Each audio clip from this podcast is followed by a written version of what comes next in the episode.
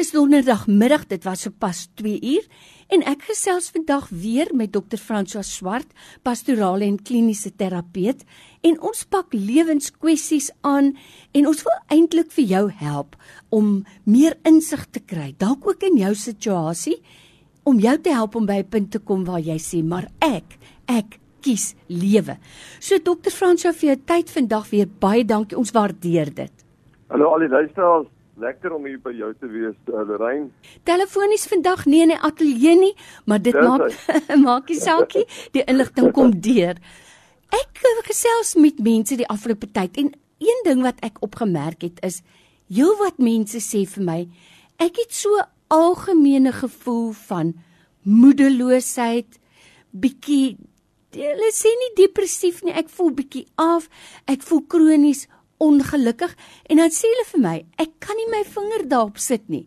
Ek ek kan nie sê presies wat dit is nie. Dan sê 'n ander persoon ook vir my, "Jong, dit is nou maar eenmal so. As die somer verbygaan en dit begin so hersraak, dan kry ek hierdie gevoel aan my." Ek hoor dit al hoe meer. Kom ons praat 'n bietjie daaroor. So algemene gevoel van moedeloosheid, 'n bietjie angs vir die toekoms. Is dit algemeen en wat beteken dit? Ja, en 'n mens kan byvoeg treurigheid. Eh, ja. ja, kom ons hou by moedverlorenheid. Ek dink Lorraine wat baie belangrik is, ons bestuur nou so baie goed as ons bestuur ons lewe, ons bestuur ons motor. Dis belangrik dat jy ook jou geld moet bestuur. Uh maar een ding wat ons nie baie goed bekend is nie, is dat 'n mens jou gemoed moet bestuur. Mm. Die gemoed vra ook vir bestuursvaardighede jy moet in kontak wees met jou eie gevoelens deurlopend in jou lewe en daar's nogal kursusse in die verband hoe om bewus te wees deurlopend van jou gevoelens. Maar ons deel gewoonlik hierdie soort van moedeloosheidsgevoel in drie kategorieë. Dit die eerste een uh, is wat ons baie keer kan noem reaktief. Daar's een of ander ding wat gebeur in jou straat of by die werk en dit veroorsaak net 'n moedeloosheid by jou. Ons praat van 'n reaktiewe gemoedreaksie.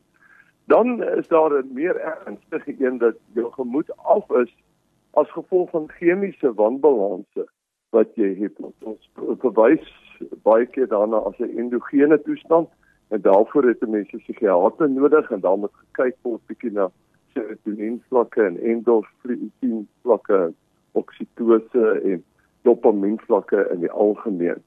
Maar dan die een wat jy genoem het, uh, is dan die seisonale soort van depressie wat ons kry. Wat gekoppel is aan seisonale veranderinge. Dit kan ook allergiese toestande wees, dit kan ook algemene ekonomiese toestande wees en prosesse in jou onmiddellike gebied waar jy bly en dit kan dan ook 'n effek hê. Maar ek wil veral klem laat val hier op die seisonale depressie. En jy het reg sê, ehm um, as 'n mens uit die seisoene, verskillende seisoene uitbeweeg, pas die liggaam ook aan in terme van hoe dit werk. En dan kan daar 'n agitasie en 'n moegheidsbeeld en 'n energielose soort van beeld by jou opkom. Dit is ook belangrik dat as jy moeg en af is en neerslagtig is dat jy kyk na jou slaappatrone, kom dit van jou slaappatrone, slaap jy behoorlik? En dit is ook belangrik dat jy by jou algemene mediese praktisyn kom dat hulle bietjie na jou bloed, eh, bietjie na jou ystervlakke kyk, ook bietjie kyk na jou skildklier funksionering veral hier van ouderdom 35 af. Is dit vir ons belangrik dat ons ook daarna sal kyk. Maar ek sou graag dit as 'n inleiding wil sê dat dit dit is belangrik dat 'n mens die verskillende skakerings van die gemoed verstaan. Nou ek gesels vandag weer met dokter François Swart, kliniese en pastorale terapeut en oor juis mense wat deesdae vir my sê, hulle het 'n algemene gevoel van moedeloosheid en eh, dokter François jy het eintlik die perfekte woord gebruik. Treurigheid sonder dat hulle weet waar dit vandaan kom. En as ek nou mooi geluister het, dan klink dit vir my asof ons mekaar moet sê, dit kan faktore van buite wees. So my liggaam en my gemoed het 'n reaksie op dit wat van buite afkom wat met my gebeur. Dit kan ook van binne afkom. My liggaam het 'n tekort aan sekere ensieme en daarom kry ek die gevoel van moedeloosheid en dan derdens, dit kan ook wees algemeen dat party mense op die omgewing en op die verandering van 'n seisoen reageer as gevolg van weer eens 'n liggaamlike verandering. Dokter Fransjo, daar's vir my ook 'n ander ding wat vir my baie belangrik is. Die Bybel waarsku ons hier in die laaste dae gaan ons hoor van oorloë en gerugte van oorloë. 'n Mens kyk die nuus, jy luister na die nuus, jy sien die nuus in die koerant en dit is droewige nuus die slegte nuus oorheers geweldig baie. En al ken jy nie iemand in Oekraïne nie of in selfs die gewone Russiese mense, dan het jy empatie daarmee. En iewers jy jy praat nie eens daaroor nie, maar jou jou kop lyk dit vir my bære al hierdie vreeslike negatiewe inligting. En dan dan sê vir my, "Jong, ek voel treurig en ek weet nie hoekom nie." Hoe moet 'n mens jou tyd bestuur want ons jy het nou nou, nou net gepraat van bestuur. Hoe moet ons ons tyd bestuur ten opsigte van die negatiewe in die wêreld? Ja, gemoedbestuur wat so belangrik is en kom ons sê dit nou maar reg, uit ook vir die luisteraars en vir, vir ons menswees. Daar is genoeg goedes waarvoor 'n mens regtig baie swaarmoedig kan voel. En, en dit is ook geregverdig. Dit wat op die oomblik in Rusland en die Oekraïne gebeur, dit is regtig 'n rede, 'n legitieme rede hoekom om hartseer te wees, om af te wees. Want 'n oorlog is nooit 'n mooi gesig nie, en veral nie vir die burgery, doodgewone mm. mans en vrouens en kinders wat die meeste ly daaronder nie. Maar hoe moet 'n mens dan met jou gemoed dan omgaan as dit dan nou wel met jou gebeur? Ek dink die groot ding wat 'n mens moet vir jouself vasstel jy kan nie eintlik sinvol oor oor 'n afgemoed praat, 'n plat gemoed gesels. As jy nie ook 'n redelike idee het wat maak jou gelukkig. Het jy 'n gehelde definisie hoe moet dinge wees dat jy gelukkig sal wees? Baie keer het ons 'n Lorraine 'n baie goeie idee wat ons ongelukkig maak. Maar ons het 'n vae idee wat ons regtig gelukkig maak. Dis daai beleining moet kom.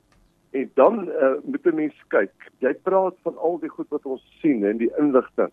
Een van die dinge wat wat gedragswetenskaplik is uh, eenset mee, is dat 'n mens regtig moet kyk op, op watter platforms jy beweeg, hoe jy uh, inligting inneem, hoe jy die knoppie van die televisie bestuur.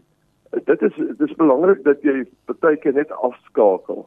Ons sê nie daarmee jy met slegte nuus jou kop soos 'n volstrys in die sand druk en sê ek wil nie weet van mm. al die goedes wat in die wêreld gebeur nie. Maar ransoneer jou in terme van hoe jy ook na al hierdie negatiewe goed luister en sorg dat daar 'n balans is tussen goeie goed en slegte goed in jou lewe.